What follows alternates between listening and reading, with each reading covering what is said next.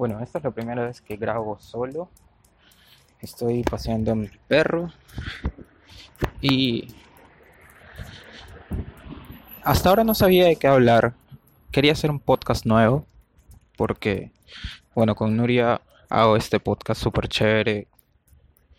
Que, que me relaja un montón. Pero me, se me acaba de ocurrir que en vez de estar buscando un tema en específico, como,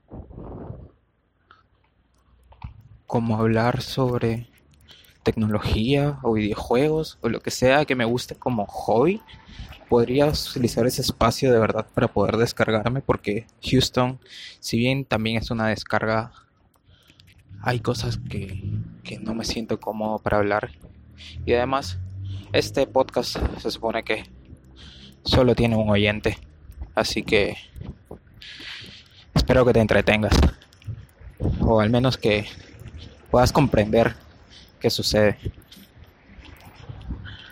Eh, este podcast va a tratar sobre cómo es vivir con, con TEP, que ha sido una bendición el poder estar diagnosticado ahora, porque ahora sé qué problemas puedo atacar y qué problemas voy a seguir teniendo siempre.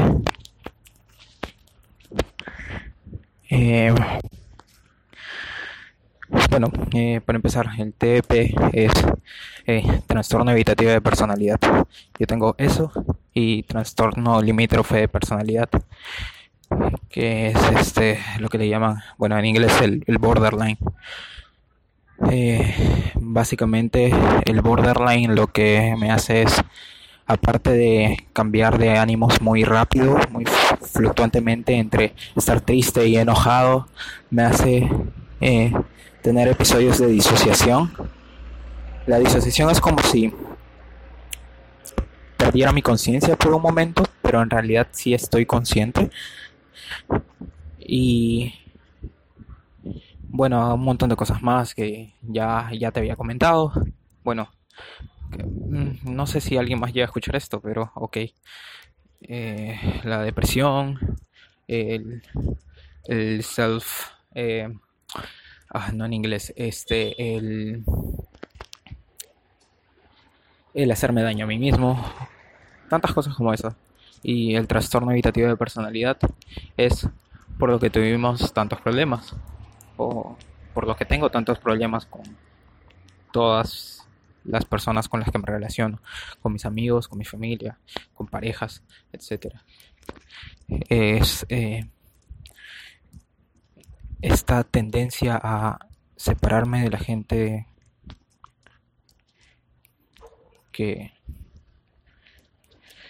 eh, es esta tendencia a separarme de la gente que por la que tengo muchísimo apego y y con quien relación, o sea, con quien forjo relaciones que, siento que, que son muy grandes en mi vida. Esto es, bueno, lo que dice mi doctora es que tengo miedo al rechazo, tengo miedo a que me abandonen y, y en parte tiene razón. Pero creo que hay algo más. No lo sé hasta ahora. Adiós, Max está comiéndose pichi de todo el mundo. Basta, Max.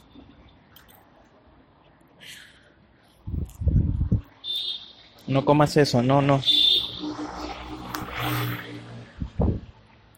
Es, es horrible vivir de esta manera.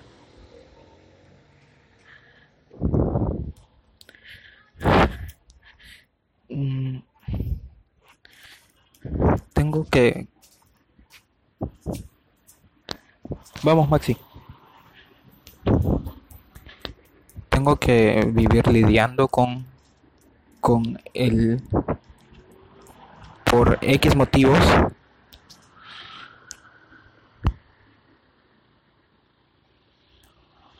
o sea, por cualquier estupidez que sienta que algo va mal, separarme de la gente y, y, y no quiero separarme de la gente. No quiero no quiero romper esos lazos, pero O sea, sé que suena muy, muy estúpido, pero es así. Es, es lo que mi cerebro me hace hacer y, y ahora que he empezado la terapia me siento mucho peor con respecto a ello. Bueno, he empezado entre comillas porque ya tengo como seis meses en terapia. Y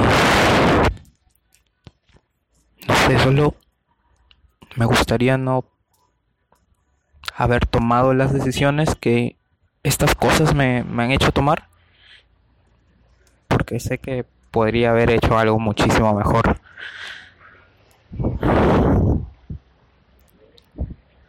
Estoy pasando por momentos muy fuertes ahora. creo que jamás me había sentido así en toda mi vida porque estoy estoy seguro de que este año me voy a morir. Me voy a morir, eh, bueno, me voy a matar, digamos las cosas como son. Y y no se siente como, como otras veces que solo he querido escapar de mis problemas, sino que siento que ya no hay más hacia dónde avanzar. Siento que, que mi vida ya está totalmente deshecha por estas cosas y por más terapia que haga, no voy a poder deshacer todas las decisiones malas que he tomado, por más terapia que haga o por más personas que trate de alcanzar.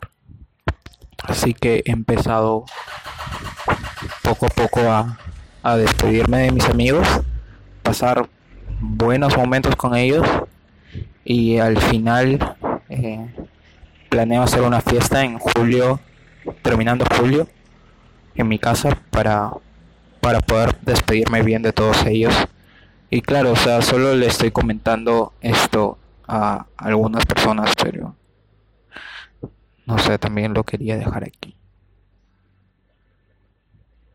Es, es una tortura vivir así. Ya, ya no puedo. Ya no puedo con nada de esto.